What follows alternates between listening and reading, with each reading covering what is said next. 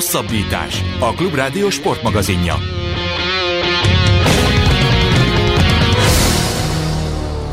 Köszönjük a kedves hallgatókat, Rév Dánielt és Farkas Gábort hallják, ez a Hosszabbítás a Klubrádió heti sportmagazinja. A mai adás egy egy kicsit benzingőzős lesz, Forma 1-ről, Le és VTCR túraautó világbajnoki sorozatról beszélünk. De elsőként Forma 1 igencsak zajlik ott az élet, költséget csökkentenek, az egyik legeredményesebb pilót egyelőre csapat nélkül van, az utóbbi éveket domináló Mercedesről fura híreket lehet hallani, a nagymúltú Williams a megszűnés szélén áll, úgyhogy van jó pár téma, és ezeket a témákat most Weber Gáborral, az M4 Forma 1 kommentátorával fogjuk kitárgyalni, aki, ha minden igaz, itt is van a vonalban. Szia Gábor! Sziasztok!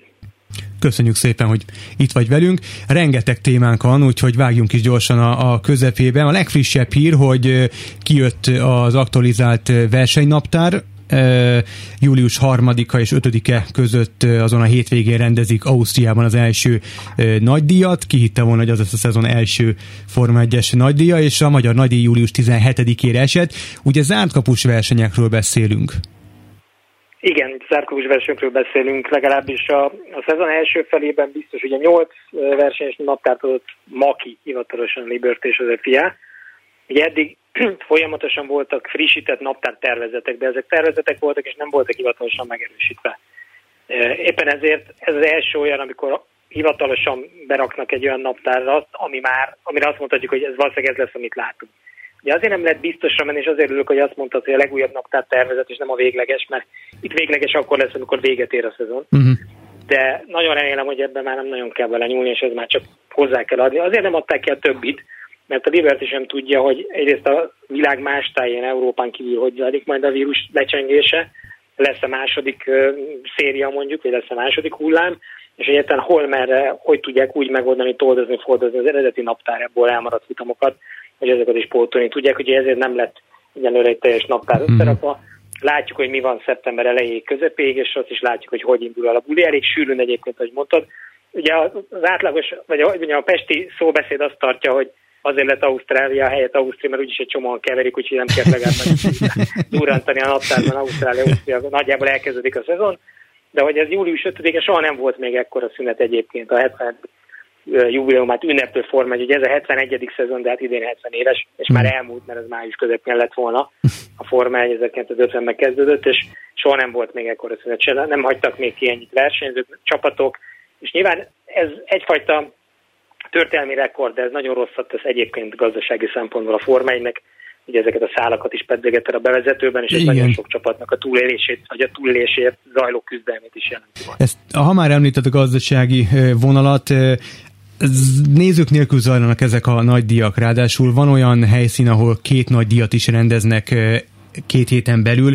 Ha jól emlékszem, Gyulai Zsolt mondta azt, hogy ez óriási bukó a rendező városoknak. Itt lehet nagyjából tudni, hogy milyen pénzekről beszélünk, és hogy igazából ki segít a helyszíneknek. Tehát, hogyha a Hungaroringre mondjuk nem engednek be nézőket, akkor az hol éri meg a, a magyar rendezőknek? Hát röviden sehol Okay. és, és a nagyságrendeket meg anélkül, hogy a nagy üzleti titkokat feltárnánk, meg egyrészt ugye nem is tudok, de amit tudhatunk például, hogy a magyar nagy díjrendezés az minden évben megrend, megjelenik a, a magyar közlönyben konkrétan a pontos összeg, hiszen az mhm. állam garantálja, és ebből tudható, hogy ilyen 43 millió dollár környéki összegről beszélünk, és ez sávosan emelkedik folyamatosan, uh-huh. bizonyos megadott százalékokkal évről évre. És ez persze minden egyes versenypályának, minden egyes rendezőnek, promótának más és más a szerződése, tehát ezek az összegek eltérnek. Van, aki 60 millió fölött is fizet, közel-kelet, meg távol-keleti pályák egy része, van, aki mondjuk bőven ezzel a Silverstone ilyen 20 millió körül összeggel, mondta uh-huh. Kárló, ugye a mondák szerint semmit nem fizet, vagy minimálisat.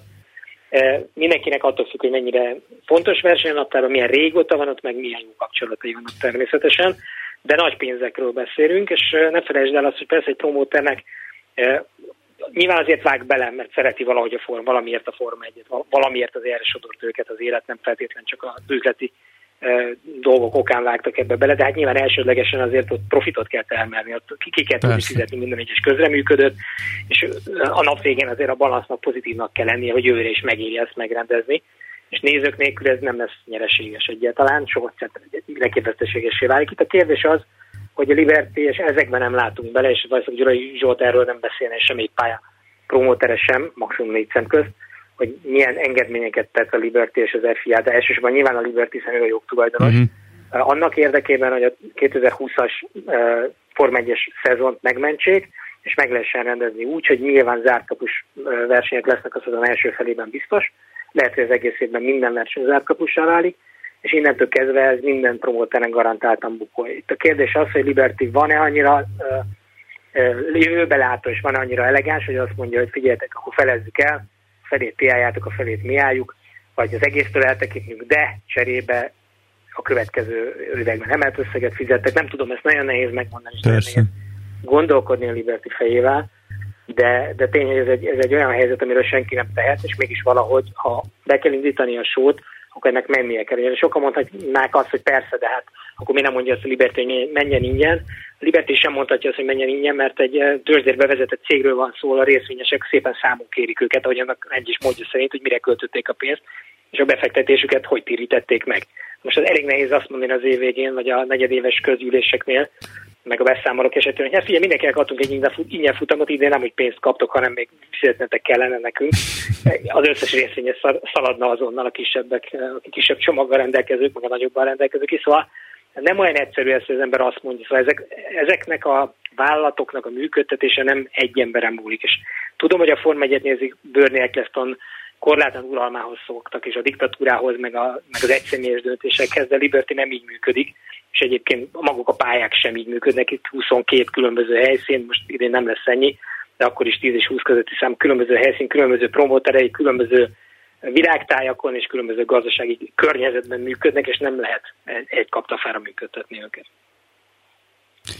A a zárt versenyek meg, meg a gazdasági e, témát azt, azt szerintem egy, most már egy kicsit e, tolhatjuk, azt kitárgyaltuk, viszont rengeteg más olyan téma van, ami, ami hát nem is borzolja a kedélyeket, de foglalkoztatja leginkább a szurkolókat, és itt most akár versenyzőkről, akár ö, um, istálókról is beszélhetünk, és mégiscsak összefügg a, a gazdasági nehézségekkel, illetve a járványal. Gondolok itt Sebastian Vettelre, illetve a Williams istálóra, aztán majd rátérünk a Mercedesre is, mert hogy Vettel ugyebár a Ferrari-val nem hosszabbít szerződést, ezáltal csapat nélkül marad, a Williamsről pedig az a hír járja, hogy befektetőket keresnek, mert ha nem érkezik befektető, akkor hát akár még meg is szűnhet ez a, ez a nagyon nagy múltú listáló. Bontsuk kettő akkor igazából a témát. A Fettellel mi lesz, illetve hogy juthatott el valaki ideig, aki megnyert öt világbajnoki címet, és ekkora alakja a jelenkori Forma 1-nek? Hát kezdjük Fettellel akkor. Nyilván már nem új a hír, Sainz érkezése és Vettel távozása, vagy a sorrend fordított, Vettel ér, a távozás is aztán jött Sainz érkezése néhány nappal később, Igen. de ez már a háttérben nyilván mind le volt vajazva. És uh, nyilván Fettelnek nagyon menekülési iránya nincs, és a menekülés nem jó szó, mert nem, abban sem vagyok biztos, és azt már tavaly évvégén is így éreztem, hogy ő feltétlen maradni akarna. Nem ér lesz sem a tüzet, sem azt a nagy-nagy akaratot, vagy azt a, azt a, a régi Fettelre, vagy a, a nyerő Fettelre jellemző azt miért nem érezted? Volt, itt, itt álljunk meg egy pillanatra, hogy mondod, hogy nem érezted benne a tüzet. Én is úgy gondoltam, meg nyilván vagyunk ezzel egy páran, hogy mint hogy megcsömörlött volna, hogy itt, itt valami van a háttérben, van egyszerűen csak eljutott odáig, hogy már nem boldogította, vagy, vagy nem jöttek az eredmények, és emiatt uh, szakadt meg az a, az a hihetetlen lendület, de ahogy mondott, tényleg, mintha nem is ő lenne, hibát hibára halmozott, tehát mintha egy teljesen más fettet láttunk volna az utóbbi pár évben. Én azt gondolom, hogy tavaly realizálta, hogy a Ferrari állam az nem fog összejönni, a ferrari nem fog már világban egy címet nyerni. Uh-huh. Egyrészt amiatt, mert megérkezett Charles Leclerc és uh, Leclerc érkeztével eleve jóval nehezebb dolga lett, és ezt ő is uh, realizálta. Annak ellenére, hogy egyébként Fettel és Leclerc zseniális csatát vívtak, vívhattak volna, és vívtak, és egyébként a szezon néhány futamán csak néha túl durván álltak egymáshoz. Viszont szerintem az a jövőben is így lett volna, ami persze mondhatjuk azt, hogy Lökler rögtön felvette a kesztyűt, és ráadásul olyan kvalitású pilóta, aki meg tudta szorongatni Fettelt. Ennek ellenére Fettel nem mondom, hogy kiégett, már hogy a szó vezetési értelmében. Uh-huh. Pontosan tudja, hogy kell vezetni, viszont ö, nagyon labilisát tette az a felismerés szerintem, és innen jön a másik fontos pontja ennek a Ferrari Fettel szakításnak, hogy a Ferrari, Ferrari-val szőtt álmai, a Ferrari világban neki cím, címek biztos, hogy nem fog már összejönni. És szerintem erre tavaly ébredt rá, nem csak amiatt, mert Leclerc megérkezett, hanem az, arra is rájött, hogy a Ferrari nincs azon a szinten csapat szempontjából, autóépítési szempontból, csapatvezetési szempontból, mérnöki szempontból, hogy a Mercedes és adott esetben a Red Bullt hosszú távon, vagy megbízhatóan legyőzhesse, vagy hogy olyan kihívóvá váljon, ami, amire lehet építeni mondjuk egy három éves intervallumban. Tehát azt mondom, ha nem is jövőre, három évben egyszer biztos elkapom őket. És szerintem Fettel ezt látta meg, vagy erre érzett rá, amit nem akart az elején látni, mert akkor még a projekt eleje volt, bízott az új dolgokban, bízott abban, ami, amit látott, és amiért oda ment, és az elején úgy is nézett ki, hogy működik. Ugye 15-ben ment oda, és utána voltak egész tűretően fölfelé évelő évek, és aztán valami 18 közepén az a híres Hockeymi kiesés, amikor ugye az első helyről a sóderágyba végezte a Szax kanyarban, a saját közönsége előtt. Ott onnantól kezdve indult el a lehetményt, és ez nem csak vers, Fete teljesítményére igaz, hanem a, a Ferrari folyamatosan me, meglevő hibáira, problémáira, autóépítéssel, gumikezeléssel, bármi mással kapcsolatban, akár a stratégiával kapcsolatban. És szerintem ezekbe fásult bele, ahogy korábban belefásult Alonso, de ugyanúgy, hogy ezen elvérzett Prost, Mansell, és sorolhatnánk a mhm. végtelenségig. Inkább azok a kivételek, akik ezek ellenére, vagy éppen föl tudtak építeni egy jó érát, hogy a Ferrari sátok Fettelt is utolérte, inkább ez van szerintem úgy kompletten az egész uh-huh. benne. És hova tovább? Mit tudsz elképzelni az ő pályafutásában? Lesz, van még benne? Folytatni fogja? Keresik-e valahonnan? Vagy elmegy esetleg és bejárja mondjuk az Alonso által kiárt utat? Hát ez egy nagyon érdekes kérdés, mert a Fettel eleve azok közé a pilóták közé tartozik, vagy leginkább az a pilóta mezőnyben, akit nagyon érdekel az autósport meg a Forma 1 történelme története. Ő nagyon vágja oda-vissza az első világbajnoktól elkezdve az utolsóig, az, hogy mi hogy épült föl, tényleg mindent tud, és nem, egy, nem azért, mert a statisztikákat bújja, hanem tényleg élvezés érdeklődik uh-huh. ez iránt a sportág iránt, nagyon mélyen. És éppen ezért azt gondolom, hogy nyilván nála benne van az is, hogy oké, akkor menjünk el Lömanba, menjünk el Indibe, bár nem hiszem, hogy most már több gyerekes édesapokét egy Indi 500 feltétlen mondaná őt, hogy ez lenne az az irány, de mm. szolgáltó meglepetéseken, hát szerintem mondom, nem veszed ki belőle az, hogy a vezetés iránti vágy. Az viszont igen, hogy mondjuk 18-20-22 hét végét, vagy komplet hetet eltöltsen a világ különböző részén távol a gyerekétől, meg a családjától. Egyszerűen ilyen típus. És éppen ezért azt gondolom, hogy a Form 1 daráló neki csak akkor éri meg, vagy akkor kihívás négy VB címmel a háta mögött, hogyha reális esélye van a győzelemért harcolni. Ő nem Lökler től menekül, vagy nem, nem a szituáció az, ami, ami miatt feladja ezt a dolgot, hanem, hanem attól, hogy gyakorlatilag a következő egy-két évet, és nézd meg a Ferrari, hogy hogy muzsikált mondjuk a téli teszteken, bár mondom, az nem éles bevetés, erre majd július elején látunk igazi megfejtést. Szóval, ha igaz, amit láttunk télen, a Ferrari következő két éve megint csak átlagos lesz, vagy legalábbis lehetnek benne győzelmek, de a világbajnoki cím, világbajnoki címet valószínűleg kevesebb esélyük lehet, hogyha az az összkép, az az erő, azok az erőviszonyok lesznek, amit télen láthatunk megvillanni. Fettelnek még két éve nincs, hogy utána egy következő harmadik évtől gyúrjon valamit. Löklernek van, Sainznak is van. Uh-huh. És innentől kezdve Fettelnek szerintem egyetlen esélye van, hogyha a Mercedes felsővezetés, meg Hamilton és Toto Wolff azt mondja, hogy oké, okay, akkor csináljunk egy szupercsapatot, nagyon ritkán, ilyen csináljunk egy Senna Prostot, még sorolhatnánk egy-kettőt, mint túl sokat nem, és rakjuk össze egy olyat, amire 50 év múlva is csettint mindenki, hogy na, az egy, az, az egy olyan felállás volt, amit eleve meghúzni is nagy merészség volt, és amúgy meg hülyeség lenne. Alapesetben 10 tízszer azt mondanám, hogy nincs értelme. De van egy, vannak már olyan dolgok, amik annyira lehetetlenek, és annyira értelmetlenek, hogy nem pont azért jók, és egy, egy Fettel Hamilton párosításba azért lenne egy csomó szempontból kiaknázható dolog, és itt senki ne arra gondoljon, hogy a Mercedes a világ egyik legértékesebb autógyártójaként, vagy a Daimler a tulajdonosa, most különösen azon fog ugrálni örömében, hogy egy Fettel Hamilton párossal még hány százalékkal nőnek az eladások, hogy mennyi lesz a reklámértékük. Itt önmagában ennek van egy olyan eszmei értéke, amit azt gondolom, hogy sportolóként vagy sportszeretőként szerintem érzitek, hogy mit akarok vele mondani. Persze. Egyszerűen egy dream team összeáll, annak azért kell összeállnia, mert, mert ritkán adódik ilyen lehetőség. És ha ez összeáll, akkor az valami olyan plusz, ami nagyon ritkán jön össze. Még akkor is, hogyha lehet, hogy szemben megy minden egyébként logik, alaplogikával, hogy legyen egy nagyon erős, meg legyen egy kicsit gyengébb pilóta, aki egyébként ugyanúgy be tud húzni győzelmeket, és úgy tudunk volna menni a csapatvilágbajnoki címért meg az egyénéért is, mert ha csinálunk egy stand crossot, akkor kioltják egymást, és a végén a nevető harmadik győz. ez, a, ez a helyzet itt. Kérdés, hogy Hamilton ezt bevállalja, és nem, nem mondom, hogy logikus, hogy bevállalja, és nem is kéne bevállalni, hiszen meg Schumacher rekordjait szeretné megdönteni. Fettelnek ez lenne egy olyan lépés, amivel gyakorlatilag oldalra lép, sőt inkább előre, mert a világban csapathoz lenne.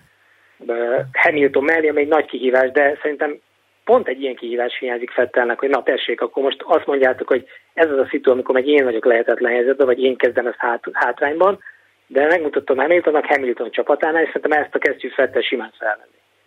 A, innentől kezdve azt gondolom, hogy a Renault-nál nincs opciója, tehát a Renault-nál szóba nem kerülhet Fettel, nem is semmilyen szempontból nem illenek össze, úgyhogy ezt kizárnám, annak ellenére, hogy Renault marad a Forma 1 hogy ez nem régi kiderült. Talán egy ilyen, egy ilyen nagyon outsider chance van még az Aston Martinnál, a Racing Pointban jövőre ugye Aston Martinra Igen. névre váltó csapat lesz uh, Stroll és Sergio Perez áll, ugye Lorenz Strollék csapatáról beszélünk, akik közben ugye megvették az Aston Martin, magát az autógyártó céget is. De ott van valami összefonódás a mercedes tehát arról is hallani lehetett, hogy, hogy ott, ott, ott a Mercedes vonulna ki, mint gyári csapat, és venni át az Aston Martin, vagy legalábbis számomra nem annyira érthető. Hát akkor picit próbálom világosát tenni, nem mint hogyha mögé látnék a kártyáknak, és engem is nagyon érdekel ez a része a dolognak. Ugyanis a, a Daimler 5%-os részt tulajdonos az Aston Martinban, tehát a Mercedesnek vannak részvényei az Astonban, minimálisak is. Uh-huh.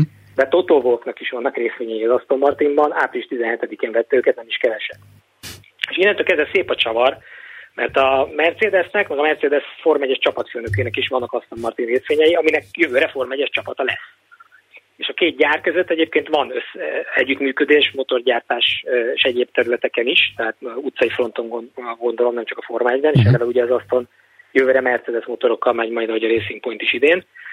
És innentől kezdve van egy nagyon érdekes felállás, vagy csillagzat, ami, amit már ugye cáfolni is kellett a Mercedesnek, hogy Bizony. ugye történetesen jövőre a komplet Mercedesből Aston Martin válik, és tulajdonképpen Lorenz Troll és Toto Wolff fogják megvezetni ezt a csapatot. A Mercedes kilép, megmarad motorszállítóként, és akkor így nyernek vele egy csomót, hiszen a Mercedesnek óriási pénzeket kell megsporolni itt különböző büntetések következtében meg a vírus jelentette gazdasági hanyatás következtében, szóval óriási elbocsátások vannak. A Renault ezt nem lépte meg, a Renault-nál is nagyon nagy megszorítások vannak, de megtartották a Form projektet, és a Form ugye olcsósodni fog jövőre, 145 millió lesz a maximum elkölthető összeg egy évben az autó fejlesztésére, ugye ebben nincs benne a motor, meg jó pár egyéb dolog, de a fő, az autót érintő főtervezési költségeknek 145 millió dollárba ki kell jönni egy évben. Tehát végül is nem, nem lenne értelmes a Mercedes számára most amiatt elmenni, hogy költségeket spóroljanak, mert eddig költöttek 500 milliót, vagy 145-öt költetnek. Tehát eleve spórolt nekik a formány az új szabályrendszer, de egy óriási költség plusz. Tehát erre nehéz lenne hivatkozni. Kérdés, hogy ez egy középtávú döntés, amit már korábban felvázoltak, és úgy vannak vele, hogy most itt van az ideje, és tökéletesen meg lehetne húzni ezzel az Aston Martin Toto Wolff Lorenz Pro fölállása, vagy pedig tényleg csak egy erős plegyka, és marad a Mercedes, és az Aston Martin Aston Martinnál válik. Kérdés, hogy Toto Wolff így mindkét többen érdekeltként, hiszen ugyanúgy 30%-os tulajdonos a Form 1 csapatnak is, végül is melyik ujjába harap. Hát igen. És egyébként a jövő évben bevezetendő költségplafon az a pilóták fizetését magában foglalja, vagy ez teljesen más? Nem, nem, nem foglalja magába. A költségplafon, vagy a költség, költségvetési limit, vagy a költségvetési határ, vagy nem tudom, vannak rá csúnyán vagy szebb szavak, nem tudom, nehéz ezt, ezt magyarra jól lefordítani, de a lényeg a lényeg, hogy ennél többet nem költhetnek. Uh-huh. És az nem tartalmazza magába a pilóták fizetését, a, leg, három legmagasabb fizetésű felsővezető fizetését, tehát mondjuk csapatvezető technikai igazgató, mondjuk Red Bullnál új fizetés is nincs benne, és nincs benne semmilyen marketing költség, illetve nincsenek benne vendéglátási költségek a pályákon, versenyeken máshol. Tehát azért jó néhány olyan nem közvetlen az autóval kapcsolatos költség, ami nem semmilyen szinten nem találkozik az autó tervezésével, fejlesztésével, azt kivették a költségvetési határból, a költségvetési limit tételei közül, Hogyha arra vagytok kíváncsiak, hogy egyébként ez mit jelent szám szerint, vagy számszerűleg, akkor azt mondom, hogy az a 145 millió, az a nagy csapatoknál olyan 250 milliót fog jelenteni a végén, 250-260 millió.